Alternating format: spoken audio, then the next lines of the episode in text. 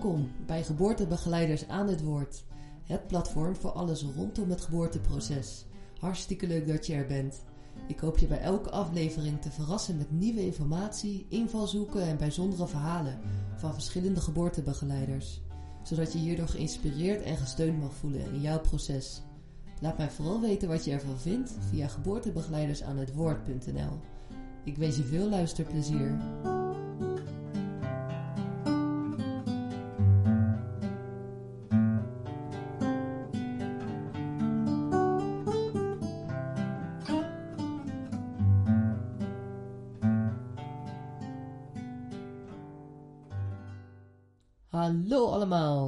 Vandaag had ik Hans Gutse te gast. Althans, hij had mij te gast op zijn wel heel bijzondere woonplek. Dat was de verrassing van mijn dag. Hans vat samen, vaderschap is leuk. Hij zal je meenemen in zijn wereld en vragen stellen die je een ander gemiddeld niet stelt. Wat betekent vaderschap voor jou? En wat neem je allemaal mee? Ik moet zeggen, het gaat diep, maar zeker ook met een lach tussendoor. Wie is Hans Gutse? Hans is al 28 jaar werkzaam in de kinderopvang, jeugdhulpverlening en het onderwijs. Sinds 2008 is Hans zelfstandig trainer en speltherapeut en geeft training en advies op het gebied van opvoeding. Ook is hij actief bij verschillende cursussen waar hij de aanstaande vaderbijeenkomsten begeleidt en is landelijk bekend als vadercoach. Ik zal zeggen, ontspan en laat je meenemen. Goedemiddag allemaal. Hier zit ik samen met Hans Gutsen op een hele bijzondere locatie. We zitten in Apkoude, dat ligt net onder Amsterdam. En toen ik aankwam rijden met de auto, werd ik uh, door Hans Gutsen opgevangen en begeleid naar zijn joert. Dat was een, uh, een, verrassend moment en prachtig eigenlijk, want je hebt mooi uitzicht over de velden met moestuintjes uh, eromheen. En zijn joert is prachtig en kleurrijk inge, ingericht, waar we zo meteen ook nog even een foto van maken. Hans Gutsen, welkom. Leuk dat ik hier mag zijn en bedankt voor je tijd. Ja. Ik, uh, ik zou je graag willen vragen, kan je jezelf introduceren over hoe je tot vadercoach bent gekomen en het pad wat je daarvoor hebt gelopen? Dat is misschien een lang verhaal. het is een grote vraag. een grote vraag. Ja. ja, ja, ja, ja, Dat is meteen mijn levensverhaal. Ja, ja dat is begin met je leven. maar begin, uh, ja, waar, waar het voor jou begon. Ja, ja, Sabine, ik wil jou in eerste instantie ook heel erg danken om mij de gelegenheid te geven mijn verhaal te vertellen. Want ja, dat, dat vind ik ook heel erg waardevol. En uh, uh, nou ja, dat vraagt ook vertrouwen, want je kent me verder niet, dus je weet niet wat ik precies ga vertellen. Uh, maar dat komt goed. Reuze benieuwd. Ja. ja. nou, ik ben nu 52 jaar. Ik ben vader van twee kinderen. Ik heb een zoon van 26, Gideon, en een dochter van 8, Nina. En, ja, ik voed dus al vrij lang op, zeg maar. De helft van mijn leven. Ik werd jong vader. En um, ik denk dat daar ook wel een kern ligt. Want toen ik 25 was en uh, Gideon geboren werd, 26. Toen Gideon geboren werd, toen had ik geen leeftijdsgenoten om mij heen die ook vader waren. En de mannen die om mij heen waren, die wel vader waren, waren allemaal 10 tot 15 jaar ouder dan ik. En dat was op zich wel, had ik wel contact mee, maar en toch voelde ik me heel alleen in dat proces. Um, en ik merkte toen ik gevraagd werd om vadercoach te worden, of dat eigenlijk daarin groeide, merkte ik dat dat een van mijn motivaties was, was om het te willen doen. Mm -hmm. um, om... welke, welke, vragen speelden er op dat moment uh, bij jou af, uh, toen je 25 was en alleen voelde? Wat... Nou, dat, de vragen onder andere van, hoe ga ik dit doen? Algemeen. Algemeen, ja. hoe ga ja. ik... Want eigenlijk voelde ik dat ik er nog niet toe, aan toe was om vader te worden. Tegelijkertijd uh, merkte ik ook dat er een aanspraak werd gemaakt op een oerstuk in mij. Um, ja, en ik wilde, ik wilde ook leven nog. Weet je, ik, ik, had net het reizen ontdekt. Dus in die zin ja, kwam het wel op een heel bijzonder moment in mijn leven. Maar ik ben er vol voor gegaan. Dat is stap 1. Uh. Dat is stap 1. gewoon er vol voor gaan. Um, ja, ik, ik, herinner me nog heel goed dat ik stopte met door rood licht te rijden. Dat was wow, ongeveer de eerste verandering die ik fysiek en geestelijk merkte in mezelf. dat ik dacht, nee, dat kan ik niet meer doen. Ik kan niet meer door rood rijden, want ik ga het goede voorbeeld zijn. Straks voor een zoon of een dochter, dat wist ik toen nog niet. En uh, ja, als ik dan door rood rijd en hij rijdt achter me aan, dan kan hij verongelukken. En dan is dat mijn schuld, want hij let op mij. zeg maar, dat, dat bewustzijn. Mm ja, dus dat, ja, dat fascineerde me wel heel erg. Gewoon die vraag, maar ook dat dat, dat bewustzijn aan het groeien was. Ja, en toen Gideon eenmaal geboren was, toen, ja, en hij lag in mijn armen, toen klopte het heel erg. Dus dat was ook wel weer een hele mooie ervaring. Mm Zou je wat kunnen vertellen over de bevalling? Hoe dat was, de eerste bevalling, wat je door je heen ging? En, um, en dan gaan we verder met het levensverhaal. Ja, ja, ja, ja, ja. ja. onderbreek je natuurlijk je, je van hoe je tot vadercoach bent geworden. Ja. Ja, kijk, voor mij hangt überhaupt alles met elkaar samen. Dus we zullen in het verhaal af en toe zijpaden maken. Omdat anders de chronologie bijna niet te begrijpen is. Zeg maar. Mm Dat gebeurt zoveel vaak. Um, het was. Eigenlijk ging de bevalling ging heel erg goed tot het moment dat uh, Gideon in het vruchtwater had gepoept. En we daardoor plotseling naar het ziekenhuis toe moesten. Mm um, dat was schrikken. Want daar waren we eigenlijk niet op voorbereid. Niet goed genoeg althans. Dus we moesten hals over kop moesten wat spullen bij elkaar pakken die meegenomen worden, moesten worden naar het ziekenhuis. We moesten daar naartoe rijden. Uh, ik had toen nog geen rijbewijs. Dus we moesten ook weer iemand mobiliseren. Nou, dat ging allemaal uiteindelijk wel goed.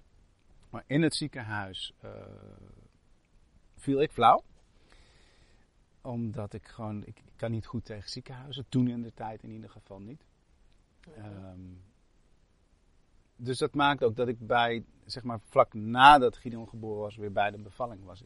En daar is gewoon echt ook wel een stukje weg. Dus ik herinner me nog dat ik uh, uh, met Leonne meeging de, uh, weet het, de kamer in. Maar daar merkte ik dat ik weg, ja. wegraakte. En toen ben ik naar buiten gebracht. En toen ben ik later weer mee naar binnen gegaan. Was, was toen was Gideon al geboren. Het was echt de omgeving? Het was ja, het was echt de omgeving. Of het, nee, het... Nou ja, ik, weet, je, ik weet het van, ja. van eerder dat ik in ziekenhuizen ook flauw viel als er al prikken werden gegeven. En de geur van het ziekenhuis. En, uh, ja. Uh, ja, ik had misschien ook gewoon de spanning. Weet je, het is ook ja. spanning. Je ademhaling gaat heel hoog zitten.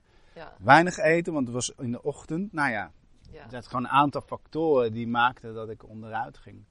En dat maakt ook meteen dat ik in deze bijeenkomsten die ik nu met aanstaande vaders doe, dit als een van de keystones naar voren haal. Zeg maar. Van zorg ja. goed voor jezelf. En ja. mocht je uh, iets issues met bloed hebben of controle of uh, dat soort dingen, dat je dan uh, nou, dat je dat ondervangt en dat je het deelt.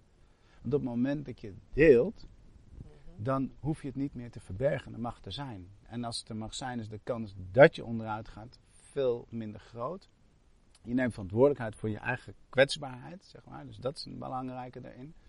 En een ander stuk is dat dan ook de mensen in je omgeving jou kunnen zien daarin. Want als je gaat, dan kunnen ze al eerder zeggen van... haal even adem of ga even goed staan of neem een slok water... en dan hoef je niet oud te gaan. Mm -hmm.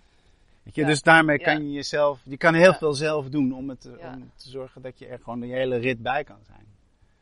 Dus dat was tegelijkertijd een hele belangrijke ja, les die ik nu tijdens de, het vaderbijeenkomst uh, ja, vaak noem. Ja, ja dat, uh, daar sta je niet bij stil. Want natuurlijk alle aandacht is op de moeder. En dan kan je denk ik volledig jezelf vergeten. En ja. Terwijl je zelf ook nog een hele belangrijke rol hebt uh, in te vervullen. En ja. Dus, dus hoe, hoe voelde je erna toen je nou, ja, wel, wel degelijk dat ik een stuk gemist heb. Ik was volgens mij ook meer mijn gevoel dan dat het, dan dat het haar gevoel was. Uh, dus dat, dat was heel erg van mij. Dat, dat ik er niet kon zijn. Dat heeft me wel een tijd lang parten gespeeld. -hmm. Kon je daarmee op dat moment ook omgaan? Of is dat iets later? Nou ja, nee, dat komt later pas. Omdat de geboorte van een kind is mm -hmm. zo speciaal. Dat dat overspoelt alle andere nare gevoelens, zeg maar. Mm. Ja, het is een Ja. magisch moment. Dus dan, dan is dat gevoel, was ook, dat kwam echt pas later, kwam dat terug, dat ik me daarnaar over voel. En dat ik, ja, ook wel, dat het een beroep op me deed dat ik daarin gefaald was, zeg maar. nu, zou ik, nu kijk ik daar heel anders naar, Ja, maar toen ik ja. 26, 27 Ja. was, was dat een heel ander issue nog, zeg maar. Mhm. Dan, ja, je daarin slagen en je hoort er dan te zijn. En je hebt allerlei ideeën over hoe de wereld in elkaar zit. Ja, ja. Mm. Dus, eh, 26 jaar later is dat heel anders. dan weet je meer. ja, In ieder geval, ja. ik weet meer, ja. de wereld om je heen verandert niet, maar de wereld in jou is eh, ja. enorm eh, Ja. veranderd. Sowieso. Bijzonder, ja. ja, en ook de wereld om je heen verandert, vind ik wel. Die verandert ook. De denkbeelden van mensen. Mhm. Mensen tegen situaties aankijken. Dat, dat is ook wel dingen die kunnen veranderen, zeg maar. Of gedachten die kunnen veranderen. Mhm. Ja. Ja. En ehm, de, de periode dat je dus zoiets had van hoe moet dit allemaal, wat is het Mhm. vader worden. eh, ja, hoe, hoe- wat, wat, wat deed je op dat moment? Of waar eh, richtte je op? Of bezocht je bepaalde... Er was niks voor vaders. Er was niks voor vaders. Ja. Nee. Dus ehm, het is eigenlijk voornamelijk uit mijn eigen koker gekomen. Ehm, en nou, dat, ik, wat, dat stukje waar ik het over had, dat oerstukje, dat was wel iets wat heel erg in me zit. Ehm, dus ik heb ook weinig echt raad gezocht bij andere oudere mannen bijvoorbeeld, om van nou, hoe moet ik dit nou, of ik, ik vind dit moeilijk of ingewikkeld. Ik vond wel vrij snel mijn weg in hoe ik Gideon kon voeden, hoe ik hem eten kon geven. Ik maakte altijd zelf zijn hapjes klaar van verse groentes en eh, dat soort dingen. Mhm. Ehm, ik, ik voelde het heel vertrouwd om hem in een draagzak te dragen en bij me te hebben. En eh, nou ja, later dat hij op in de keuken zat te spelen met aardappels in potten en pannen. En, eh, ja, dus. Ja, het- dat zat me in het bloed. Zeg maar, het omgaan Ja. met kinderen. Dus echt grote vragen heb ik daar niet in gehad ook. Mhm. Ehm, maar ik denk dat als mijn vader nog geleefd had, nou, dat ik wellicht dat wel veel met hem besproken had. Mhm. En kun je dat beschrijven, dat oergevoel? Eh, Ja, dat is heel lastig. Het is het innerlijk weten. Het is het innerlijk. Het is weten wat, je, wat er gedaan hoort te worden, zeg maar. Ja. Ja, en ik, ik merkte dat ik snel een innerlijke rust ontwikkelde. Om Gideon tot rust te krijgen. Ehm, het zijn natuurlijk altijd momenten dat er veel gehuild wordt en dat er maagkrampjes, groeipijnen zijn die je onzeker zouden kunnen maken. Maar als ik eenmaal wist wat het was, merkte ik dat ik in een innerlijke rust kwam. En van daaruit eh, ja, hem kon troosten en met hem kon zijn. En eh, ook, ook met mezelf daarin kon zijn. En dat maakte hem dan weer rustig. Dat is wel iets wat ik heel erg ja, geleerd heb, maar ook geleerd heb doordat ik het in mezelf ontdekte. Mhm. Ja. ja, en tegenwoordig zijn er eh, zwangerschapscursussen waar mannen ook eh, naartoe kunnen met hun Ja. partner. Wat, wat maakt het, zeg maar, deze vadercursus speciaal of anders, zeg maar? Of wat, wat is daar zo de, de meerwaarde aan wat je niet treft in wat er nu is? Sorry.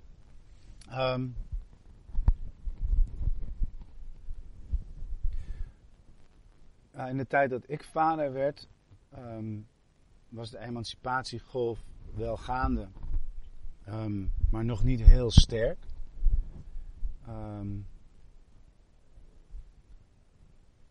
Dus ik, ja, ik denk dat ik mijn rol als vader toen al. eh, ik, ik was er veel, ik had ook werk wat maakte dat ik er veel kon zijn. Mhm. Ehm, ik denk dat nu dat het voor vaders heel erg zoeken kan zijn van hoe ga ik mijn rol invullen. Hoeveel tijd ga ik aan verzorging besteden? Hoeveel tijd ga ik aan mijn werk besteden? Hoeveel tijd ga ik aan mijn partner besteden? Want eigenlijk is het dat je op al die terreinen ehm, lever je een prestatie. Nog even los van hoe goed je dat wil doen vanuit je eigen overtuiging, zeg maar. Maar als je overal 100% wil functioneren, dan krijg je een zwaar, zware dag, zeg maar. Mhm. Mhm. Ehm, en ik heb, wat ik toen niet had en nu wel heel waardevol vind, is praten over het proces. Emoties daarover mogen zien. Ik denk dat het dat, dat één reden wat maakt dat ik dat toen niet deed, dat het niet gewoon was in de omgeving waar ik in omging met mensen. Dus dan word je er ook niet op uitgenodigd om over je gevoelens of emoties te praten. Ehm, en over je angsten. En ik heb dat in de afgelopen tien jaar wel leren doen. En dus dat helpt me nu ook naar het belang ervan. Om kwetsbaar te mogen en te kunnen zijn. En eerlijk te kunnen zijn over. ten opzichte van mijn zoon alleen al en mijn dochter nu. Ehm, en het belang daarvan in de opvoeding, maar ook het belang naar de heling toe in mijzelf. Naar het gekwetste stuk in mijzelf. Ehm, vaak wordt dat dan vergeleken naar, ja, je bent, je bent een watje of je bent een nietje in, in zeg maar gangbare taal. En ik vind dat hele ingewikkelde woorden. Ik weet dat ze bestaan en ik weet dat dat zo genoemd wordt. Ehm, maar ik kijk anders aan tegen de rol van man of de rol van vrouw daarin. Ehm, en ik denk dat dat beeld erg aan het verschuiven is. En als je het hebt, wat, waar onderscheidt dan jouw bijeenkomst zich op? Is het onder andere op dat stuk. Dat ik, ik, ik probeer een bijeenkomst van te maken die heel erg gaat over jij als man, mens, man-mens zeg maar, of mens-man. In die zin van je bent mens en je bent ook man. Met gevoel. Met gevoel uh, en met hardheid. Weet je, en die, dat, dat gevoel en die hardheid bestaan naast elkaar. Zoals kwetsbaarheid en kracht naast elkaar staan. En hoe trek je iemand over die, die drempel heen met de conditioneringen van. Nou, is, ik ben niet degene die, die iemand over een drempel gaat heen trekken. Dat kan iemand alleen maar zelf. Um, en ik ga in een bijeenkomst ook zeker niet psychologiseren. In die zin. Als wel dat ik andere vragen aanreik dan andere mensen aanreiken. En daar mag iemand over nadenken. En dat is zijn vrije keuze om over die vraag na te denken. En als ik vraag, goh, wat heeft de relatie met jouw vader, of wat is de betekenis van de relatie met jouw vader ten opzichte van de relatie die jij wil hebben met jouw kind? Ja, dat is een vraag die kan je in één woord antwoord geven, maar je kan er ook een dag over praten. Hoe wil jij vader zijn? En wat neem jij mee van je eigen vader? En wat ga je doorgeven aan jouw zoon of dochter en wat niet? Hoe bouw je die band op? En waar liggen daar de pijnpunten voor jou? En waar liggen de krachtpunten voor jou? Want er zijn drie fases waar je het over hebt tijdens de cursus. Dit is denk ik de, in de eerste fase. Dus dan zal je kunnen vertellen over welke fases er uh, langskomen. En hoe je ja. ja, voor mij is het zeg maar de, de, van je, je hebt een vader en je wordt vader. Dus die, Mhm. die, die overdracht. Ehm, de andere is van tweetal naar drietal. Mhm. Dus je bent met z'n tweeën. Je relatie verandert. Je, wordt met je komt met z'n drieën en dan ga je elkaar, je partner en jij gaan elkaar echt op een hele andere manier leren kennen. En dat komt door je kind. Want je kind gaat jou spiegelen. En je kind gaat je partner spiegelen. En door je kind ga je met stukken in aanraking komen die je wellicht nu nog niet op die laag besproken hebt. Met je partner. Als dat je dat gedaan hebt toen er nog geen kind was. Mhm. Kan je daar een voorbeeld van noemen? Ehm, nou, stel je, je hebt zelf, jouw vader is jong overleden. Ehm, dus je hebt geen voorbeeldfunctie als vader. Je weet niet hoe je vader moet zijn, want je eigen vader is heel jong overleden. En dat heb je aan je partner verteld en je hebt het over je verdriet aan je partner verteld.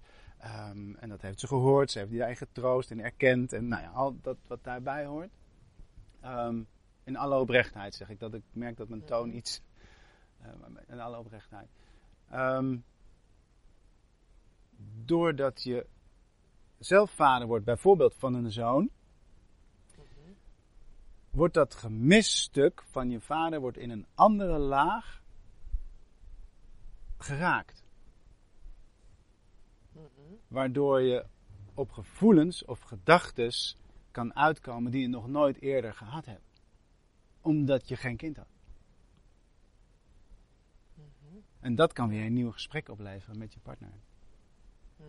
Het kan zijn dat jij er voor jouw kind wil blijven zijn. En dat je extra dagen gaat vrijnemen. En, weet je, en daar kunnen van allerlei dingen kunnen daaruit voortvolgen. Dus je kunt bepaald gedrag wat je merkt bij jezelf bijvoorbeeld gaan afvragen van, goh, heeft dat een stuk te maken met eh, hoe inderdaad mijn vader was, wat je bijvoorbeeld misschien niet zo snel zou afvragen. Ja. Waarom toon ik dit gedrag bijvoorbeeld? Ja, En, en waarom ben ik zo beschermend naar mijn kind toe? Ja. Of wat maakt dat ik ehm, niet meer. Stel, stel je werkt in de bouw. Nou, bouw is, kan behoorlijk gevaarlijk zijn. Je, je werkt met stenen, je kan van een steiger afvallen. En dat je besluit, ik ga een kantoorbaan nemen, want dan loop ik minder risico om vroeg dood te gaan. Kort door de bocht gezegd. Ja, ja, ja.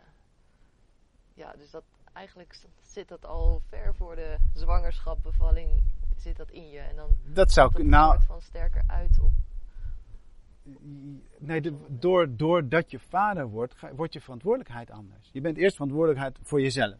Ja. Maar dan word je ook nog verantwoordelijk voor een kind. Mhm.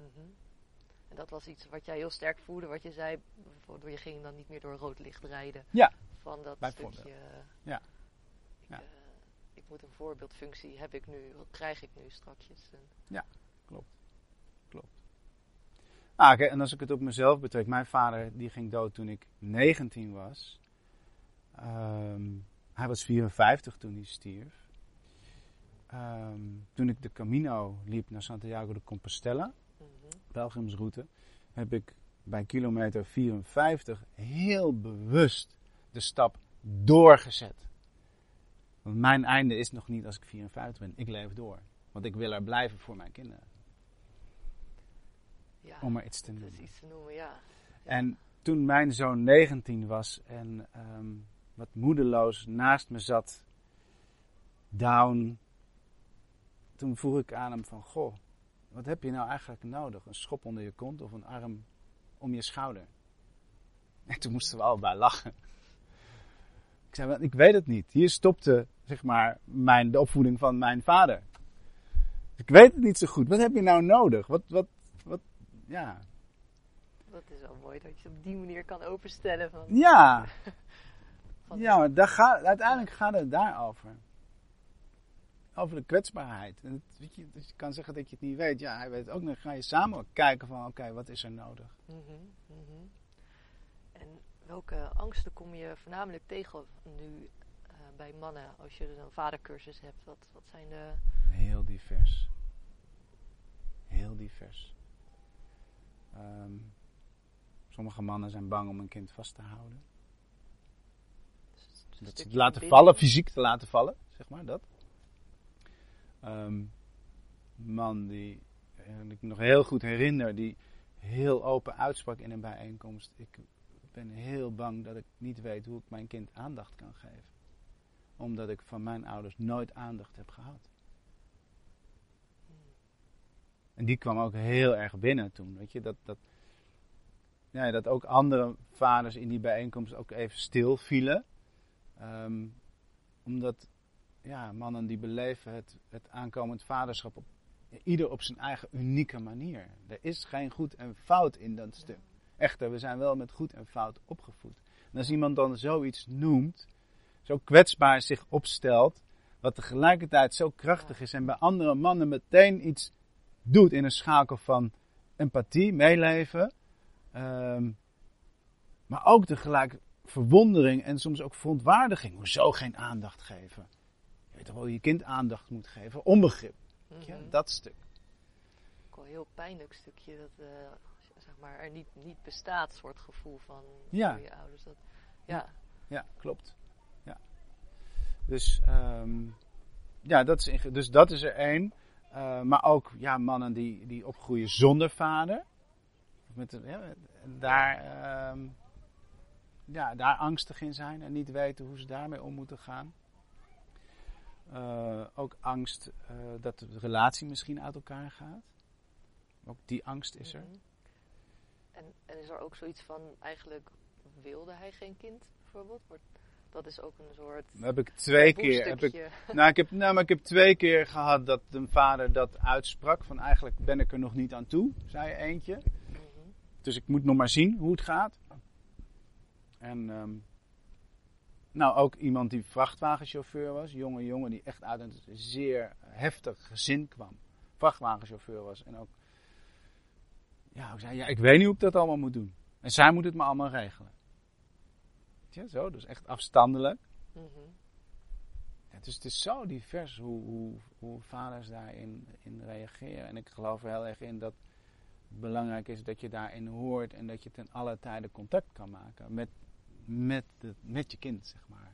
Mhm. En, ehm, en het feit dat je geen kind wil, is, dat mag erkend worden.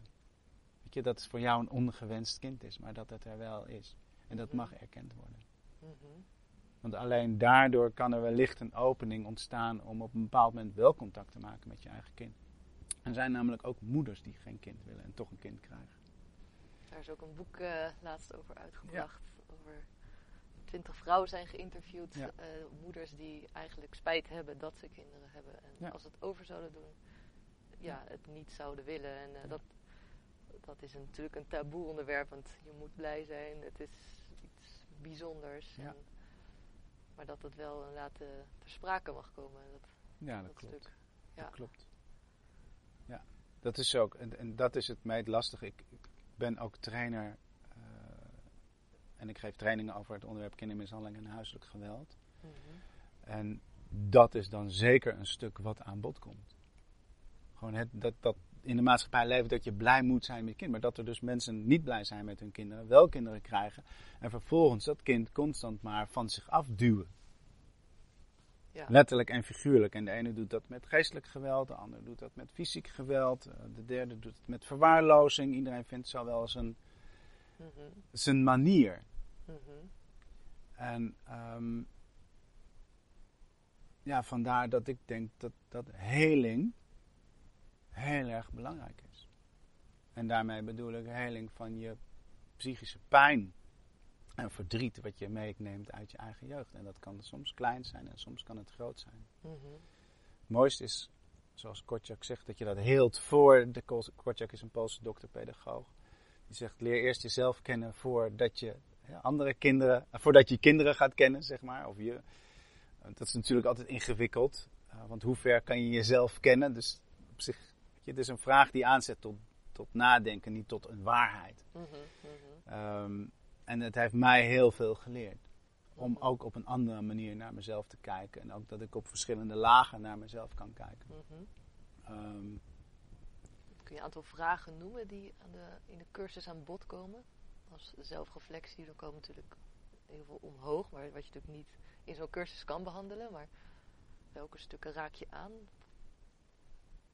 Nou, een vraag die ik wel stel. Welke, ehm, of noem, noem twee eigenschappen. Eén ehm, waar je een eh, prettig gevoel bij hebt. En één waar je een minder prettig gevoel bij hebt van je vader. Mhm. Die je dan wel of niet over zou willen brengen aan jouw zoon Mhm. of dochter. Mhm. En een andere vraag, ehm, die ik trouwens onlangs bedachte, dus die ga ik eh, bij de volgende bijeenkomsten ga ik die uitproberen, is: ehm, je kind wordt straks geboren. Hoe ga jij jezelf aan je kind voorstellen? Daar krijg je nu twee minuten de tijd voor. En dat is natuurlijk een voor het blokzet vraag. Ja. Maar dat zet je wel even neer. Dus ik ben heel benieuwd wat die vraag gaat doen. Met de mannen die hem straks voor hun kies krijgen.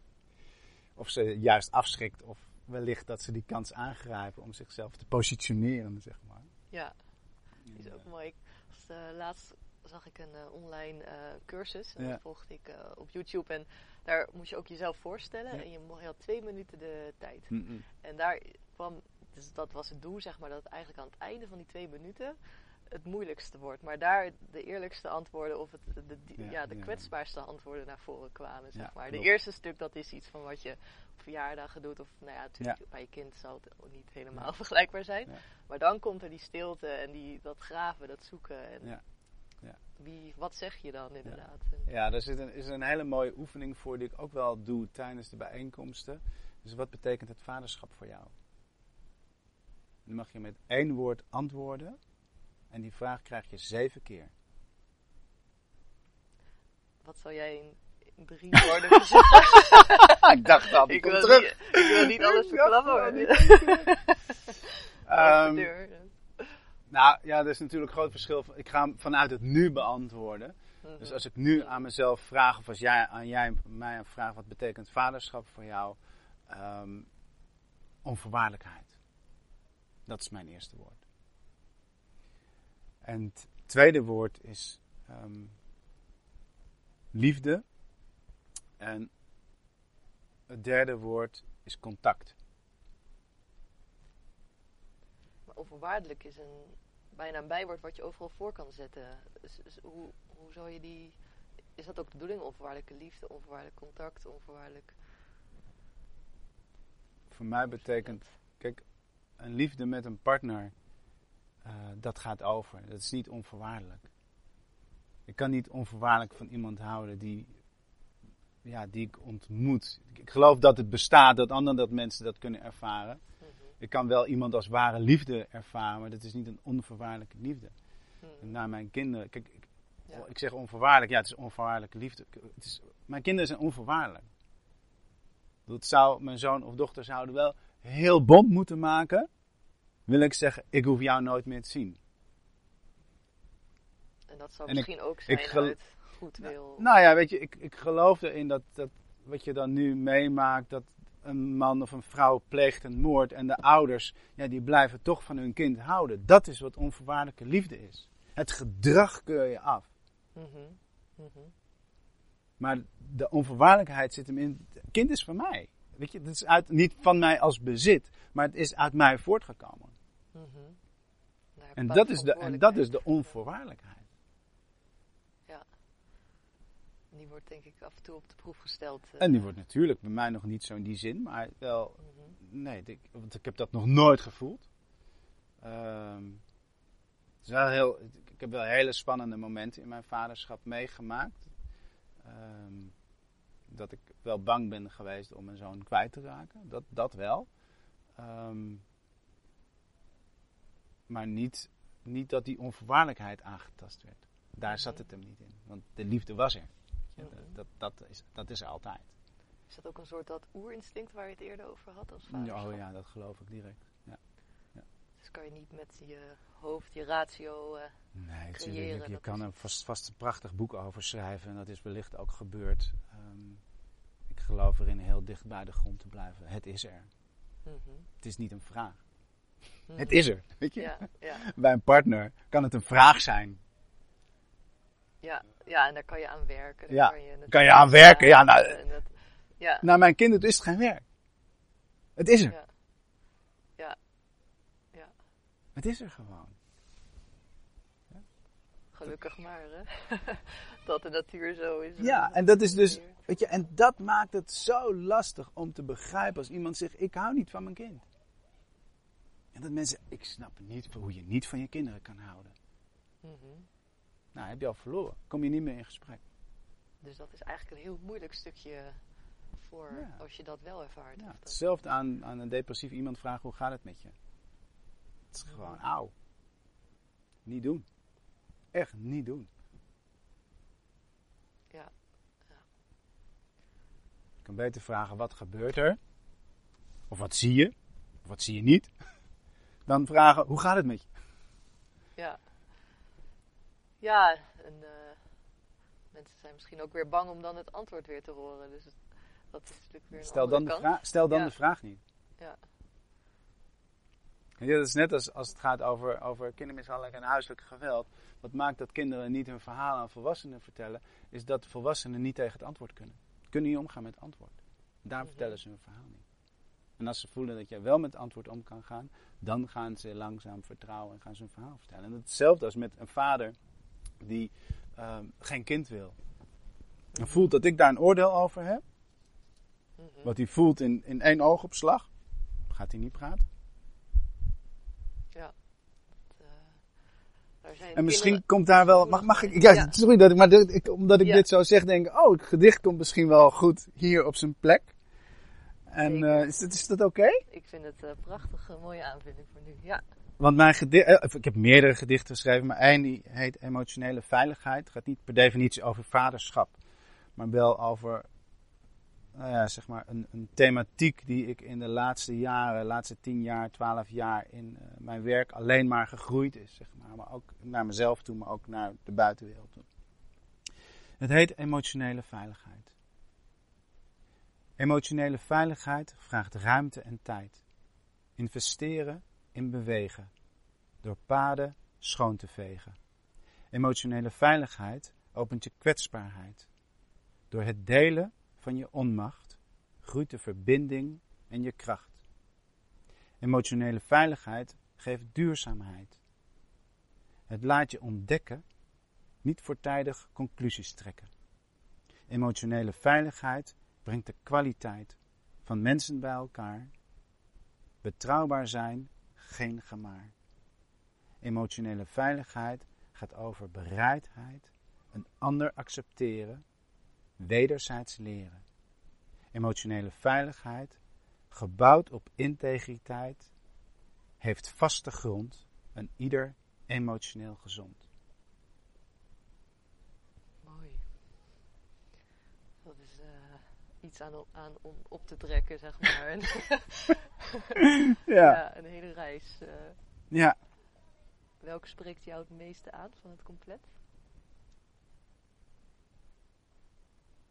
Betrouwbaar zijn. En verbinding. Maar betrouwbaar zijn, ik. Ik, um, ik denk dat als je niet betrouwbaarheid. Als je niet betrouwbaar bent, dan, dan werkt het niet. Betrouwbaarheid, eerlijkheid. Voor mij zit betrouwbaarheid gekoppeld aan vertrouwen. Eerst ben je betrouwbaar, dan groeit het vertrouwen. En dat is ook rondom vaderschap een van de mhm. belangrijke onderdelen als het gaat over hoe bouw je een relatie op met je kind. Dat wat het derde onderdeel is van de bijeenkomst, zeg maar. Mhm. dus hoe betrouwbaar ben jij? In relatie tot je In relatie, nou, in relatie tot jezelf in eerste instantie. Want als je voor jezelf al niet betrouwbaar bent, dan is het al lastig om betrouwbaar, betrouwbaar te zijn naar je kind. Omdat je dan dat kan, dat, dat proces dat kan zijn, dat je naar jezelf niet betrouwbaar bent, maar wel naar je kind, dat bestaat. Alleen het gaat ook in conflict komen met elkaar op een bepaald moment. Mhm. Ehm, of het kan in conflict komen met elkaar.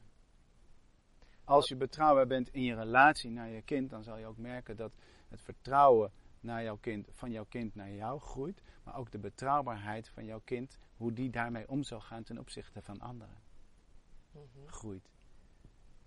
En welke cornerstones zijn daarvoor? Welke? Doen wat je zegt. Dus als ik tegen Nina zeg, je krijgt een ijsje, dan krijgt ze een ijsje. Dan komt het ja uit mijn hart en het nee komt ook uit mijn hart. Dus ik bedenk vaak van tevoren, als we de supermarkt ingaan, bedenk ik van tevoren, ze krijgt iets of ze krijgt niets. Consequentie, is dat een belangrijke? Nou ja, ik, ik ben in een haat-liefde verhouding met consequentie, omdat ik er eigenlijk niet echt in geloof omdat ik de ene dag blij ben en de andere dag ben ik verdrietig of boos of lui of weet ik wat. En dan, dan denk ik, weet je, hier heb jij dat ijsje. Ik heb geen zin in, uh, in nu opvoeden en consequent zijn. En een andere dag, uh, dan, dan ben ik daar losser in. Dus dat, dat heeft ook wel met mijn stemming te maken. En daar ben ik betrouwbaar over. Dus ik ben betrouwbaar over mijn stemming. Als ik me moe voel, dan zeg ik niet, nou ik voel me moe. Dus ik zou willen vragen of je die niet wil doorzeuren over een ijsje. Om daar maar even op te houden. Mhm. Dus daar zit een beetje een spanningsveld tussen het voor de voorbeeldfunctie die je wil uitdragen, maar ook tegelijkertijd jij jezelf blijven en Juist. eerlijk daarover zijn. Want dat is uiteindelijk waar het over gaat. Want als ik ga liegen tegen mijn kind, om het even strak uit te drukken, als ik mhm. niet de waarheid spreek tegen mijn kind, is de kans dat mijn kind dat ook gaat doen ten opzichte van anderen en mij, wordt groter alle kinderen, mensen, alle jonge mensen hebben een periode tussen zeg 7 gemiddeld en 10 dat ze experimenteren met de waarheid. Mhm. Dat zit gewoon in de natuur van het kind. Maar als je zelf niet eerlijk bent over je emoties, of, of uh, zegt je krijgt een ijs en ze krijgt het niet, of weet je, dat soort dingen. Uh, je moet naar bed en je gaat het kind niet naar bed brengen, want je bent nog drie kwartier aan de telefoon. Dan begin je al eigenlijk met schommelen. Mhm. En onbetrouwbaarheid zijn en onbetrouwbaar zijn. Mhm. Ja, dat lijkt me een hele uitdaging. Uh, dat is het. Om dat uh, eh, 24-7 bewust te zijn van je eigen emoties. Ja. Wat breng je Ja. over? En, En mijn grote vooroordeel, of, vooroordeel, mijn grote voordeel als, eh, eh, als vader is dat ik ook beroepsopvoeder ben. Dus, dus Het- workaholic. het- sorry? Een workaholic dus eigenlijk. Ja, ja. Of juist niet, altijd. eh. Nou, je zegt met een leuke grijns en daar hou ik heel erg van. Het is ja en nee. Weet je, het werkt voor me in kennis. Ehm, het heeft ook tegen me gewerkt, omdat ik af en toe ook mijn werk mee naar huis nam. Ik ben speltherapeut van huis uit. Mhm. Ehm, ja, dus ik ging ook wel heel erg kijken hoe mijn kind aan het spelen was. Ik was de- met de opleiding bezig toen hij geboren werd, zeg maar. Dus ik was ook wel heel erg aan het kijken van, oh, wat doet hij alles wel zoals het moet en zo. Ja, Ehm, dus dat is ook wel een dingetje. Maar de Ja. kennis, dat ik weet wat er gebeurt in welke fase van ontwikkeling van een jong mens, ehm, dat helpt mij heel erg in hoe ga ik hiermee om. Mhm. En dat ik vervolgens communicatietrainingen gedaan heb en dat ook weer heel erg reflecteer naar, naar mezelf en dat ik daar ook mee goed kan werken en weet wat ik tegen wel en niet tegen een kind kan zeggen in een bepaalde situatie. Dat ik eh, uiten van emotie, begrip en strengheid en duidelijkheid naast elkaar kan plaatsen. Mhm. Dat ik weet dat het over gedrag gaat en niet over mij persoonlijk. Ja, dat zijn natuurlijk wel dingen. Kijk, als je kind zegt tegen jou, je bent een stomme vader, ik haat je. En je geeft hem vervolgens een draai om je oor omdat je persoonlijk aangevallen voelt. Ja, dat, ja dan denk ik, heb je een stap te maken. Mhm. Ja, ja, ja, ja. Ja. Al, al, je moet, aldoende leer, leert mensen. Zeker, want het gaat over gedrag uiteindelijk. Ook van het kind, Ja. maar ook van jou. Dus de vraag is, wat wil het kind met zijn gedrag vertellen? mhm. En wat wil jij met jouw gedrag vertellen? En wat maakt dat dat niet in woorden gebeurt, maar alleen maar non-verbaal gebeurt? Mhm. Nou, dat al dat maakt opvoeding zo leuk. Ja. ja, en het ja, vooral over praten. Ja, En het erover praten is, er is geen goed en fout. Vaak als ik bijeenkomsten geef, dan willen mensen klinkklare antwoorden hebben. Oh, maar hoe doe je dat dan? ja. Of bijvoorbeeld als je vrouw een andere opvoedingsfilosofie heeft dan Ja. jij. Ja. En, en inderdaad, Ja, die haakt weer zeg maar in op het Ja. tweede deel van de bijeenkomst. Hè, van tweetal naar drietal. aha, Dat is een hele boeiende. Zeker omdat je ontzettend veel mixed marriages hebt. Wat ik daarmee bedoel is de mensen uit verschillende culturen of Mhm. mensen uit verschillende milieus bij elkaar. ja, Uh, jij komt uit een rijk milieu, de ander komt uit een arm milieu. Uh, ja, de een wil Ja. met goud eten, de ander met zilver. Ik noem maar wat. je mag aan tafel eten, tijd voor de televisie eten. Nou, je eerste dispuut heb je al. Gezond eten of ongezond eten. Ja. Wat is goed, wat is fout? kind held oppakken, laten Ja, liggen. laten liggen. Die Ja, hand geven, geen hand geven. ja, Lekker de hele dag op je borst dragen, bij je in bed slapen of niet bij je in bed slapen. Ja. Weet je, en ik geloof niet, ik geloof niet in goed en fout. Niet in die mate dat ehm, in de oordelende zin geloof ik. Je kan dingen goed fout doen. En je kan ook dingen goed doen, zeg maar, in, in spreektaal of in, in, in om- omgang. Alleen in oordelende zin raad ik hem vaak af aan mensen. En wat ik mensen aanreik is, tracht te denken in wat werkt wel en wat werkt niet voor jou. In die situatie. met elkaar in dat geval bedoel je? Of, of- Met elkaar, dus Mhm. man en vrouw, maar ook ten aanzien van je kind. Mhm, En of het kind dan nog nul is of acht, dat maakt verder niet uit. mhm. Want er zit geen oordeel in.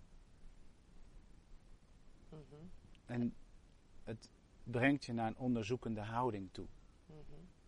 Dat is denk ik waar je nu eh, dat benoemt, zeg maar, geen oordeel. Dat is natuurlijk iets wat best wel in onze cultuur Ja. diep gegraven zit. Eh, de- vanuit het geloof en boete doen, schuld, eh, veroordeling. Straffen en belonen. Ja, ja, ja. Maar goed, voordat we daarin in verder gaan, Ja. eh, wil ik nog even terug naar de vadercoach cursus. Ja. Eh, heb je een aantal tips wat je kan meegeven voor eh, vaders die tijdens de zwangerschapsperiode, de bevalling en zes weken erna, de drie fases zeg maar, die cruciaal zijn. eh, Ja. Van hoe kan je als partner opstellen inderdaad en dan naar jezelf toe. Ehm, nou, ten aanzien van je pers- persoonlijk stuk realiseer je dat ehm, je bent man en je wordt vader. Mhm. Daarmee verlies je niet je mannelijkheid, om het maar zo te zeggen. Als wel dat je een hele nieuwe fase in je leven tegemoet gaat. Een hele nieuwe verantwoordelijkheid in je leven tegemoet gaat. Ehm, en ik denk dat het heel goed is om daar bewust bij stil te staan. Dus bewust stil te staan bij hoe was de relatie met mijn vader? Uh, hoe was de relatie van mijn opa met mijn vader? Uh, had ik een relatie met mijn opa of niet?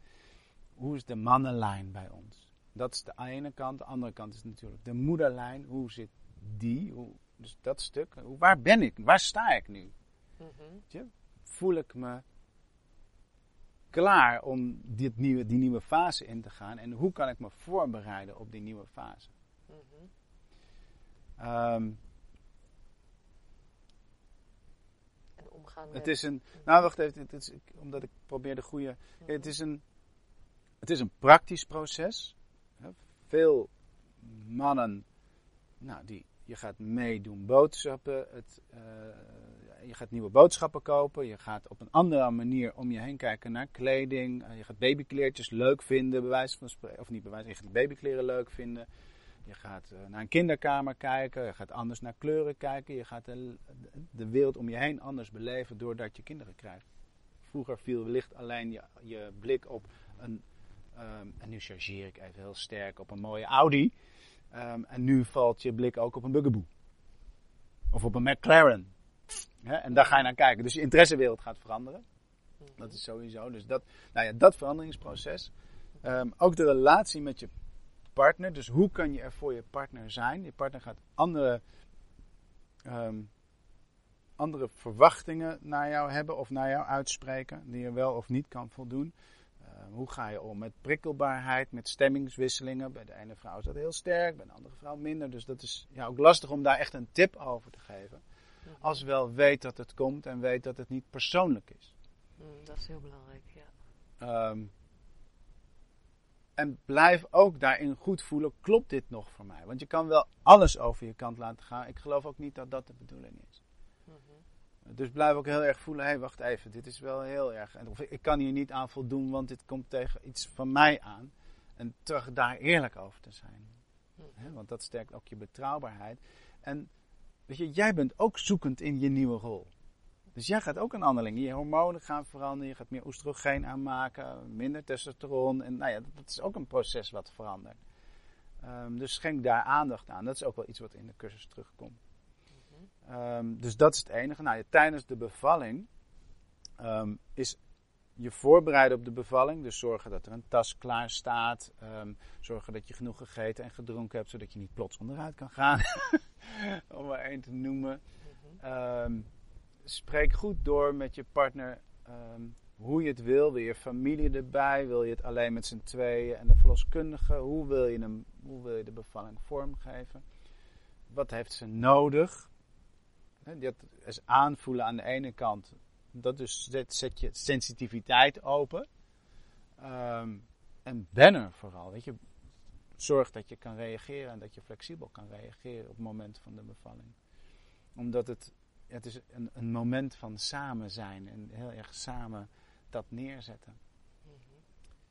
Ehm, nou ja, en vlak na de bevalling, ja, weet je, we hebben nog steeds nog maar kort vaderschapsverlof, Mhm. ouderschapsverlof. Tracht heel veel van de eerste zes weken, maar sowieso van de eerste vier jaar, er te zijn. Om een goede band met je kind op te bouwen. En ehm, dompel je daar ook in onder dat met z'n drieën zijn, dat nieuwe met z'n drieën zijn. Ehm, dat is heel erg belangrijk. Ehm, en nagelang de tijd vordert, zorg ook dat je met z'n tweeën activiteiten blijft doen. Ik denk dat dat zo wel. Ja, met je Ja, partner. ja. Dat dat, dat dat hele belangrijke tips zijn. Ja, en verder tune ik ook wel in tijdens de cursus op, het, op de beschermende rol van het vader zijn. In de zin van het feit dat ehm, baby's zijn sponsen. Dus alle prikkels nemen ze op. En uh, dat ik denk dat je als vader goed kan bewaken dat het kind niet te veel prikkels krijgt. Dus niet uh, veertien bezoekjes op één dag, bij wijze van spreken. Mm -hmm. um, dat je je kind ook veel mee naar buiten neemt. Om alles dat wat ze meemaken een plek te kunnen geven. Mm -hmm. Dus dat je echt zorgt voor een prikkeling, prikkelregulatie in die zin. Mm -hmm. um, een soort beschermende rol daarin. Ja. Nou ja, en ben er voor je partner ook. Weet je, ben voor je partner. En zorg dat je zelf een tankstation hebt. Ja, als je zelf ook een heel gevoelig mens bent, kan het heel veel tijd en energie besteden aan nou ja, het herstel en het welzijn van je partner, het ontdekken van het nieuwe kind. kan heel veel van je vragen en dat kan jou overprikkelen, maar je vindt dat je een sterke man moet zijn en dat je dat allemaal moet doorstaan en maar moet kunnen. Maar tegelijkertijd kan je ook het niet weten of je heel erg wankel daarin voelen of je energie valt opeens weg. Dat je dat, je dat benoemt. En dat je zorgt dat je een tankstation hebt. En dat kan zijn je werk, bij wijze van spreken. Maar dat zou ook een vriend of een vriendin of je moeder of je vader of een neef of een broer kunnen zijn. Mm -hmm. Waar je nou ja, ook zorgt dat ook de emotionele kant ruimte krijgt. Dat je je verhaal mag doen zonder alsmaar geïnterrumpeerd te worden. Mm -hmm. Wat is en, je visie op mannelijkheid? Je hebt uh, je vaderschap uh, benoemd. nu hebben we het over dat stukje. Ja, ik weet het niet zo goed ik ben, ik zie mezelf niet als, uh, als man-man, zeg maar. Zo. Ik hoorde ooit de radio dat een echte man kettingzaag heeft en een bijl en pornofilms kijkt. Nou ja, alleen dat laatste doe ik niet. maar ik heb wel een kettingzaag en een bijl. Maar ja, goed, dat zijn dan van die onderzoekjes waar ik heel erg hard over moet lachen. Ik denk ook altijd vaak terug aan een, aan een oud grapje.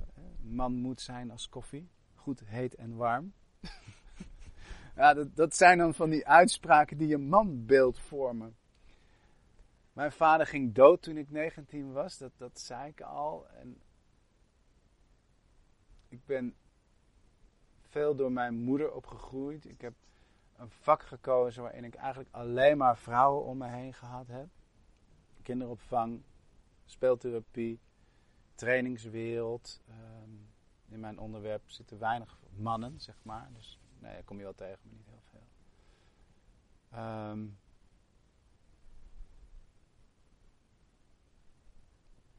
ja, voor mij, als ik het dan zo zou vertalen, is een, een man een mens die op twee benen staat. Met zijn voeten in de klei. Geaardheid? Geaardheid, dus contact heeft met de aarde en geaard is. Zichzelf kent. En zichzelf wil blijven leren kennen. Dus de mhm. ontmoeting met jezelf wil hebben. Um, betrouwbaar is. Stabiel, betrouwbaar? Of ja, stabiel, vind ik een lastige. Nee, want mhm. ik geloof niet zozeer in stabiliteit, omdat elk mens in zijn leven momenten zal hebben waarin hij wankelt. Mm Wankelen in de zin dat je voor situaties komt te staan die je nog nooit eerder hebt meegemaakt. Waarin je keuzes maakt, ja, waar je achteraf wellicht denkt van ja, had ik dat nou maar anders gedaan.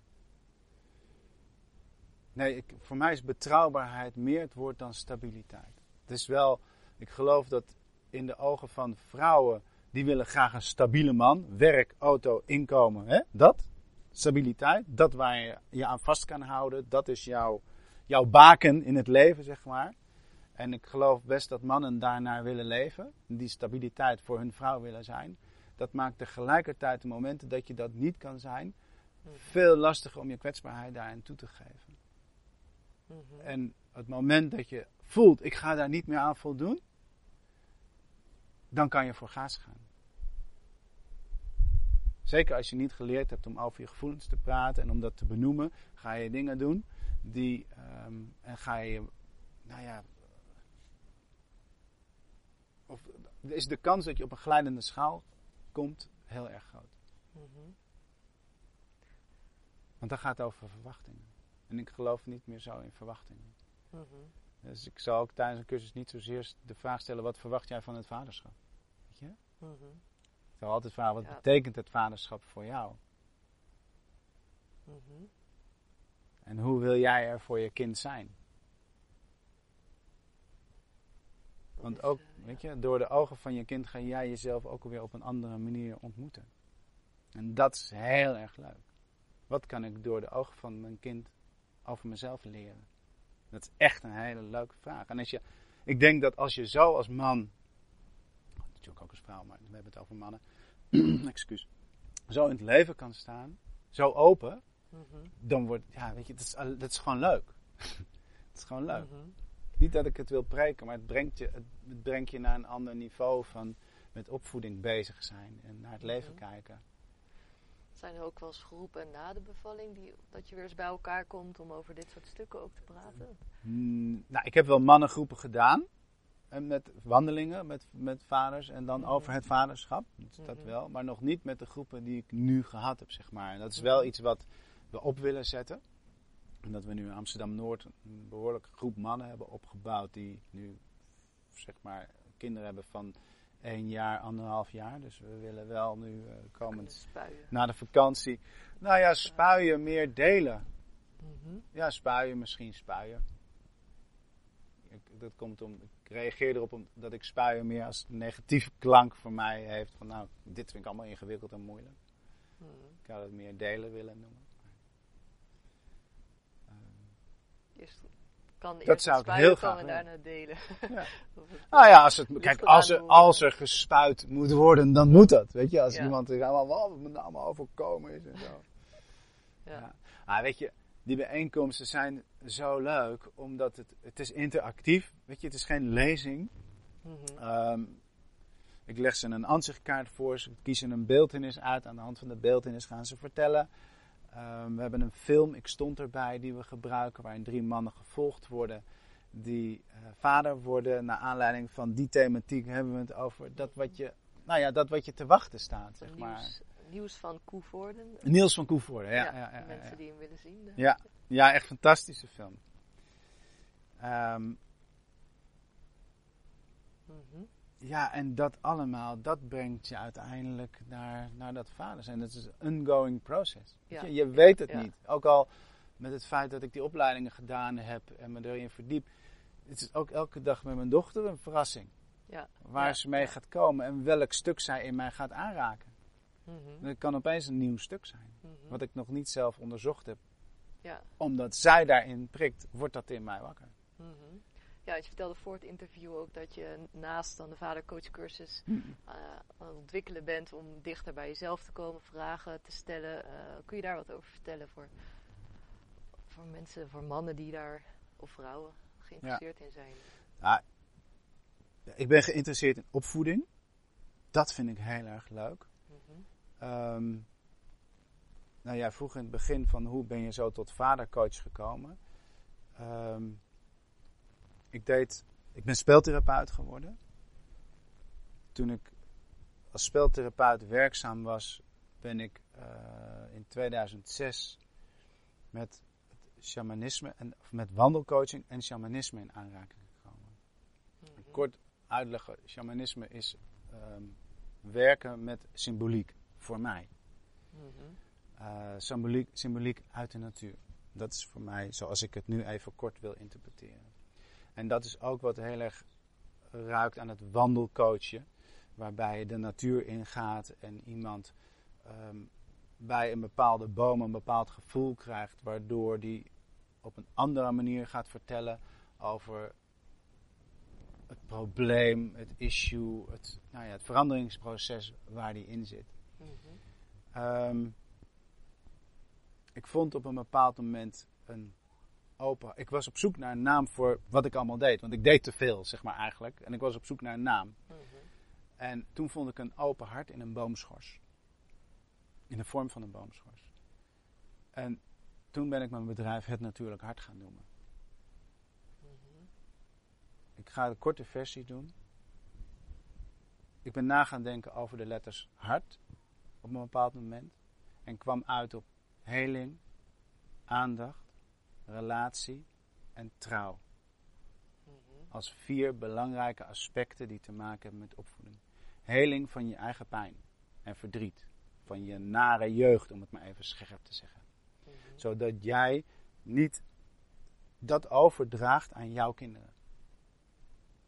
Dus dat je zorgt dat je min of meer, dat, je, dat het op een plek is dat je het erover kan hebben. Dus eigen heling.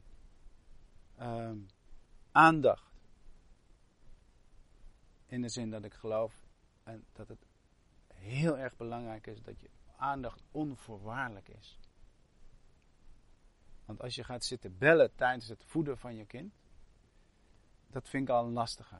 Het, mensen zien joggen uh, met een babywagen en ondertussen bellen, denk no go. Weet je, voor mij. Ja, ja. Als ik met mijn kind langs de winkel loop, dan geef ik haar de ruimte om in de etalage te kijken. Als er geen tijd is om in de etalage te kijken, dan zeg ik, liever schat, het is nu geen tijd. Weet je, en dan ga ik daarin een grens stellen en betrouwbaar zijn. Maar op een ander moment heb ik daar wel. Het gaat om de aandacht. Het gaat om dat je bent op de plek waar je bent. Mhm. Als ik contact, en dat gaat voor mij weer over contact maken. Dus hoe maak je contact met je kind? Ben je echt met je kind of ben je eigenlijk bezig met je werk? Of ben je eigenlijk bezig met de voetbalwedstrijd die je eigenlijk wil zien?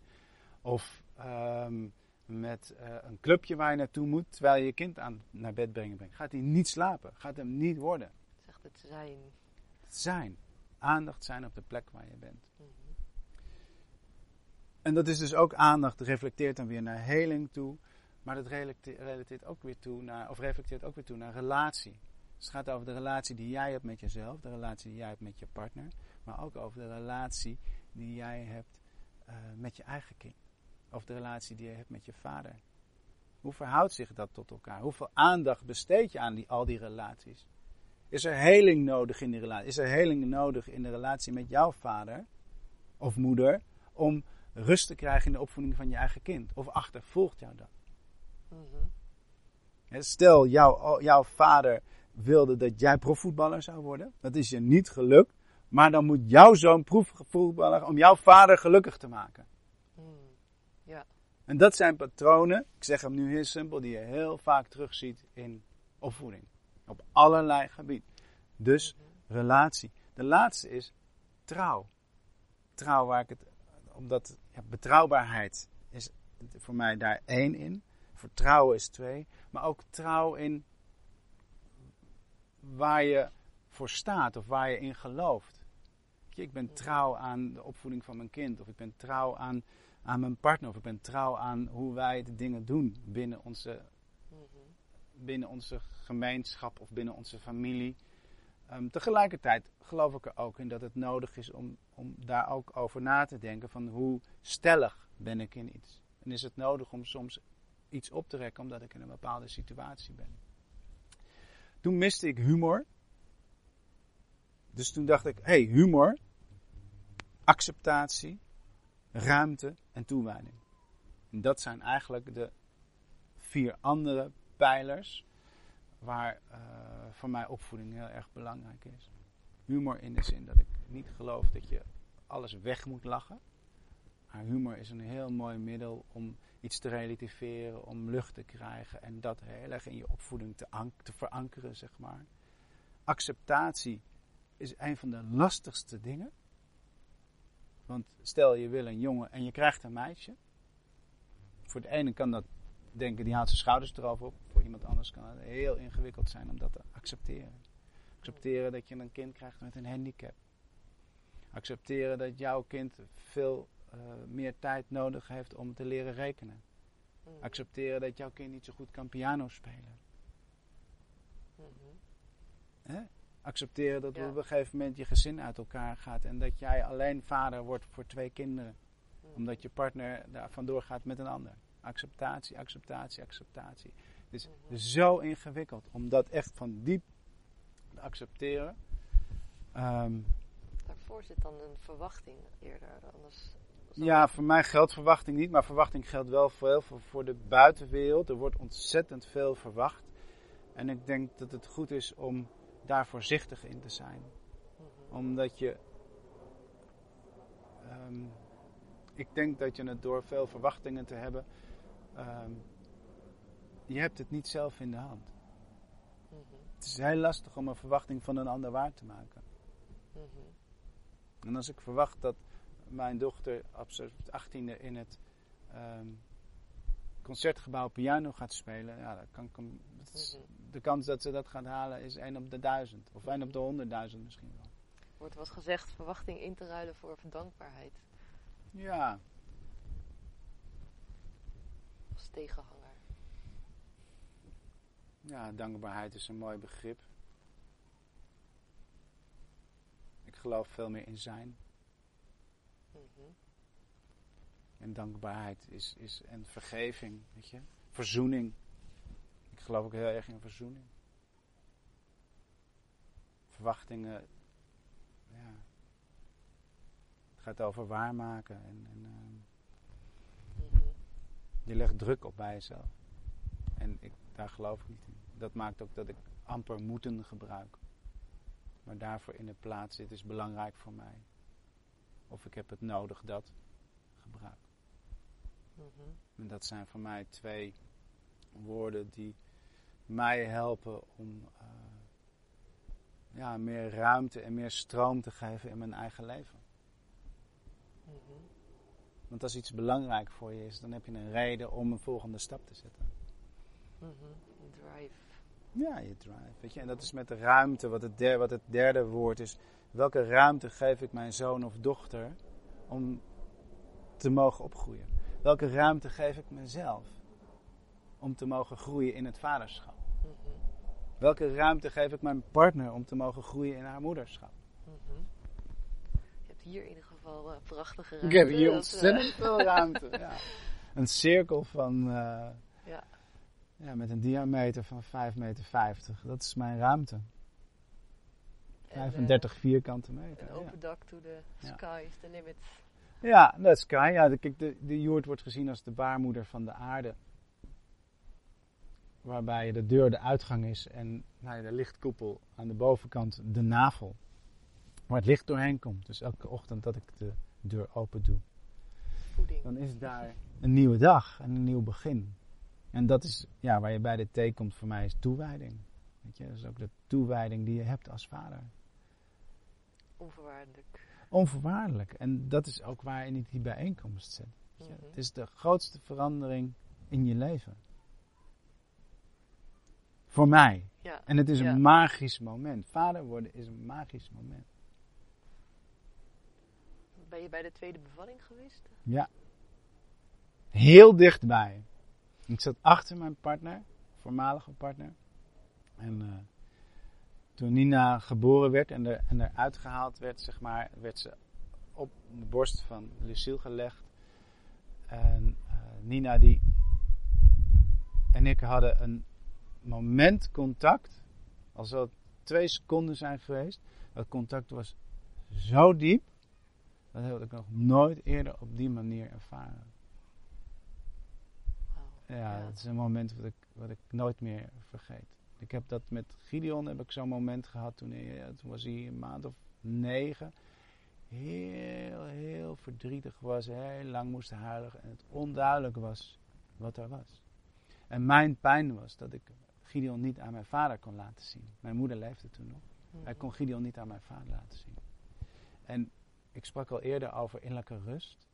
En doordat ik hem niet kon troosten, merkte ik dat ik in een soort trance kwam met mezelf. En Gideon bij me had en ik stond op het balkon. Op de nieuwe vaart, dus we keken uit over het water. En ik keek op een bepaald moment, en ik heb het dus echt over 20 minuten en langer, hè, dat hij haalde, maar dat ik hem vasthield. En dat hij op een gegeven moment rustiger werd en hij zakte in. En ik voelde dat hij zwaarder werd op mijn lichaam. En het huilen stopte en ik keek eigenlijk naar de hemel en daar zag ik de beeltenis van mijn vader. En op dat moment draaide ik Gideon zeg maar naar hem toe. En ik liet mijn zoon aan mijn vader zien. Ja, maar dit, weet je, en ik schoot vol en Gideon die gaf een snikje, maar het was zo op dat moment weer een drie-eenheid. Ja. zo'n waardevol moment. En ik, ja, Echt de En dat- eh. ja, het was totaal. Weet je, dat was totaal. En ik merkte ook, nou, dat moment heeft wellicht, ja, weet je, misschien in werkelijke tijd 30 seconden geduurd of 45 seconden. Ja. Ehm, in, in de tijd die niet tastbaar is, was het een uur. Weet je? Ja. Ja. En het heeft mij heel erg geheeld op dat stuk van gemis van mijn vader. Die er niet was toen ik zoekende puber was. Adolescent was en niet wist waar ik heen moest met mijn verdriet. En, ehm, Ja. ja, en wellicht, weet je, als je het hebt dan over oergevoel en over ja, dat wat we niet weten. We kunnen, dat is wat we niet weten. Maar wat er wel is.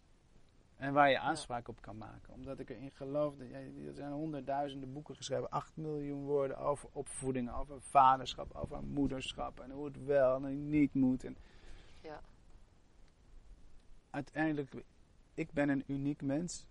Mijn zoon en dochter zijn unieke mensen. En beide hebben een hele andere omgang nodig. Met beide heb ik ander contact. Het contact wat ik met ze heb is onvoorwaardelijk. Mhm. En de intensiteit waarmee ik dat contact vormgeef is wisselend. Weet je? Maar het is er altijd. Mhm. Contact is er altijd, is altijd een lijntje. En ik denk Ja. dat, dat, dat mensen die ouder zijn, dat vader, moeder, zijn, dat herkennen als ik dat zeg. En dat het voor een aanstaande vader eh, nog lastig te bedenken is dat dat zo gaat zijn. Maar dat ze het zich wel kunnen voorstellen dat de band zo hecht is Mhm. dat je dat gaat voelen, zeg maar. Een moeder voelt dat eerder als een Mhm. vader. Ja, en voor als je niet in dat contact staat met dat stukje Mhm. oerkracht van jezelf, wat kan je, zo, kan je zeggen van zo kom je in contact met dat stukje? Of daar kijk dan is natuurlijk niet een eh, stappenplan, maar welke gedachte kan helpen daarbij bijvoorbeeld? Of,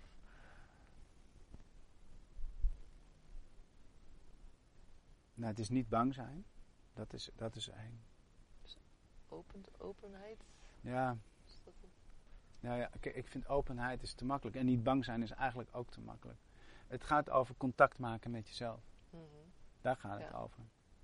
En dat gaat over echt contact maken met jezelf. Dat je, en voor mij werkt dat het beste in de natuur. Mhm. Daar kan ik me het makkelijkst verbinden met mijn eigen hartslag. Omdat de natuur oordeelt niet. Een boom of een steen of een, je, Ja. die oordeelt niet over mij. Twee Hè? voeten in de aarde. twee voeten in de aarde of twee handen op de, op de, op de grond. Dat is, dat, dat is denk ik een, een belangrijk om contact te maken met dat, uurs, met dat oerstuk. Het andere is je opnieuw of je verbinden, of misschien ben je al verbonden met je voorouders. De levende voorouders, maar ook de voorouders die niet meer leven. Daar weer opnieuw naar kijken. Van, goh, hoe zijn die relaties eigenlijk? En daar ook in niet oordelende zin naar kijken. En je dus te realiseren dat er honderdduizenden vaders zijn die hun kind hebben opgevoed. En de een heeft het, eh, nou ja, ja, weet je, dan ga je al bijna naar het oordeel toe. Dan moet ik natuurlijk oppassen dat ik mezelf niet onderga. Maar, ehm, nou, dat je daar naar kijkt in ieder geval. Weet je? Mhm. En dat je, dat je kijkt van, oké, wie zou nou voor mij een voorbeeld kunnen zijn? Bij wie kan ik denken? Bij wie kan ik mijn onzekerheid neerleggen? Bij wie kan ik een vraag neerleggen? Mhm. En met wie kan ik er lekker stoer over praten en bij wie kan ik de gevoelige kant daarover laten zien? Want ik geloof altijd dat je meerdere tankstations hebt, Mhm. uiteindelijk als Ja, man en als vrouw. En Ja. dan kan je contact maken met dat oerstuk in jezelf. Weet je, en je kan natuurlijk ook, weet je, want dat bestaat ook, dat je meer technisch opvoedt. Je, dat je het meer vanuit een boek doet en meer vanuit, nou, ik wil eerst weten hoe dat moet, nou, dan ga ik dat uitproberen. Want voelen Mhm. past niet bij mij, ik kan niet voelen of ik heb niet leren voelen. Mhm. Of ehm, ik vind het eng een baby. En een baby kan ook heel eng zijn. Want je kan het laten vallen. En het gaat schreeuwen. En dan weet je niet wat er aan de hand is. Waarom schreeuwt hij dan? Maar ik doe het toch zo. Waarom is hij dan? Ik maak een wiegende beweging. Eh, Ja. Waarom is hij niet stil? Ik ben toch lief voor hem? En dan is dat weet je, en- nou ja, en dat kan weer heel veel onmacht oproepen. Dat je heel veel probeert, maar het kind wordt niet stil. Of je partner, die, die geef hem maar aan mij. Laat mij dat nou maar doen. Dit is geen mannenwerk. Gechargeerd gezegd. Maar er zijn nog steeds vrouwen die dat zullen zeggen. Ik heb ooit een Antilliaanse man gehad die zei... Nou, de eerste jaar kom ik er niet bij, want opvoeden is vrouwenwerk. Nou ja, weet je, Ja. dat is ook wat er is. In cultuur. Ja, dat is, dat is dan cultuur. Nou, ik geloof niet zozeer cultuur als wel dat het, dat het een omgang is binnen dat milieu, Mm. binnen de cultuur. Daar Ja. geloof ik veel meer in, omdat ik niet alles weg wil schrijven. Omdat elke traditie of elk milieu heeft zo zijn eigen omgangsvormen en normen. Mhm. Ehm, dus ik wil het niet wegschrijven onder de cultuur als wel voor hem in zijn situatie geldt dat. Mhm. Ja, zeker. Ja. Wauw. Dat, eh, je hebt me ontzettend veel diepgang gegeven voor dit eh, vaderschapstuk. eh. heel veel om over na te denken. Ja. Prachtig. Ja. Ik, het gaat diep en ook ja, tegelijkertijd is het ook heel simpel in het stukje van het er zijn, zeg maar, wat Ja. vaak voorkomt. Ja. Eh, is er nog iets wat we nog niet behandeld, behandeld hebben of iets wat je nog wil delen aan, aan de luisteraars, wat je graag nog ja, wil meegeven, zeg Ehm. maar, als eh, verhaal, tip, eh, gedachtegoed? Of zeg je van nou, Ja. Jemig. Ehm. vader zijn is leuk. Laat ik dat bovenal voorop stellen. Dat ja. het, is, het, is, het is waanzinnig leuk. En ik vind het waanzinnig leuk om de afgelopen jaren, eh, nu ik ook met dat vaderschap bezig ben. ehm, en ik ben er in hele praktische zin in mee bezig ook, ik zie steeds meer vaders met dochters, met zonen, allerlei mooie en bijzondere dingen doen. Wat ik heel erg mis in, in het huidige leven is de initiatie van zoon of dochter. En eh, dat maakt dat ik onder andere bezig ben met labyrinthen lopen. initiatie zou je Nou, je initiatie is eigenlijk ehm, wat er bij de natuurvolkeren gebeurde, is je, wordt, je bent jongen en je wordt man. En daarvoor moet je een test doen. Mhm. En dat kan zijn dat je een speciaal kruid moet vinden in het bos. Dat je een, een bepaald eh, dier moet doden, vroeger dan. Hè. Ehm, en ik denk er heel erg over na hoe ik in deze eh, tijd initiaties kan doen voor mijn dochter. Of dan wel voor mijn zoon. Die is nu al 26, dus die is ook wel met zijn eigen testen bezig. Kijk, de Camino zou een, een lange wandeltocht van 300 of 700 kilometer kan een initiatiemoment zijn. Want je gaat van de ene fase naar de andere fase. Je bent man, je wordt vader. Hoe geef je daar ehm, ook op andere lagen dan alleen maar een praktische vorm aan? Mhm. Je gaat van tweetal naar drietal. Nou, dat kan je gewoon doen. Samen de babykamer maken, dat is al een test. Ehm, maar ook samen een reisje boeken en ergens heen gaan. Bewust afscheid nemen van het feit dat je met z'n tweeën bent en een nieuwe fase van je relatie ingaat. Naar z'n drieën toe. Hoe bereid je je daarop voor? Welke test? Ga je samen een wandeling maken van eh 200 kilometer? Ik ben erg van het wandelen, maar ik kan me ook voorstellen dat je Ja. samen gaat bungee jumpen. Of dat je samen een zeiltocht gaat maken. Weet je, ehm, om je relatie op een andere manier diepgang te geven, zodat het, het nieuwe mens wat op de wereld komt, dat je dat ook gaat Mhm. ontvangen. En dat je je ook opent naar elkaar om, die nieuw, om elkaar op een andere manier te leren kennen. Mhm. Ehm, Dus dat is wat ik met initiatie bedoel. Mhm. Ehm, een labyrint lopen is een initiatie in het klein, waarbij je één wegloopt naar het midden Mhm. en daar bij je kern komt en je levensvragen kan stellen. Het is een, een vorm van wandelmeditatie. Mhm. En ik ben me daar op dit moment heel erg aan het verdiepen. Ik leg labyrinten en, en nou ja, die wil ik ook rondom vaderschap gaan leggen. Om vaders zich, ja, nu zijn die bijeenkomsten vaak zittend. Ze duren anderhalf uur, iets meer dan anderhalf uur. Ze zijn zittend. We behandelen een aantal onderwerpen. De bewustwording Het is een goede injectie, zeg maar, om Mhm. mensen in gang te zetten. Ehm, een labyrint is een andere vorm om, nou ja, die injectie nog wat meer kracht bij te zetten. In beweging. En die beweging, weet je, je loopt naar dat vaderschap toe, je wordt vader. En het vader zijn is ook weer een weg die je gaat lopen, waarin je van alles en nog wat gaat ontdekken en ontmoeten. Wat ontzettend leuk is, wat spannend is, wat je niet weet wat het is. Je moeilijk een voorstelling van kan maken, waar je euforie-momenten in zal beleven en waar je diep verdriet in zal ervaren. Weet je, het is allemaal naast elkaar. Het is niet het een of het ander. Het bestaat naast elkaar. En ik geloof erin dat als je um, naast elkaar kan laten bestaan, en dat ze er allebei mogen zijn, dat je er naar kan, er naar kan kijken, dat je het kan onderzoeken en van daaruit geef je het een plek, je gaat ermee om en je vindt er een modus voor. Dat is heel erg waarin ik geloof. Prachtig, ja. En uh, intens lijkt me het uh, vooral van, je kan het dus niet pakken, je kan het niet vatten. Het is iets wat Nee. beleefd moet worden. Ja, tuurlijk. Ik kan tientallen praktische tips geven. Mhm. Ik weet alleen niet wie, wie jij, hoe jij woont. Mhm. Ik ken de dynamiek van jouw gezin, die kan je me vertellen. Ik zit er alleen niet in. Mhm. Ja. Ik zit niet in de dynamiek van jouw problematiek. Dus ik kan, ik kan hoogstens jou helpen je eigen antwoorden te vinden.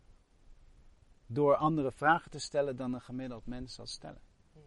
En door emotionele veiligheid neer te zetten in mijn groep, Mhm. maak ik, creëer ik ruimte dat mensen met elkaar in gesprek kunnen gaan.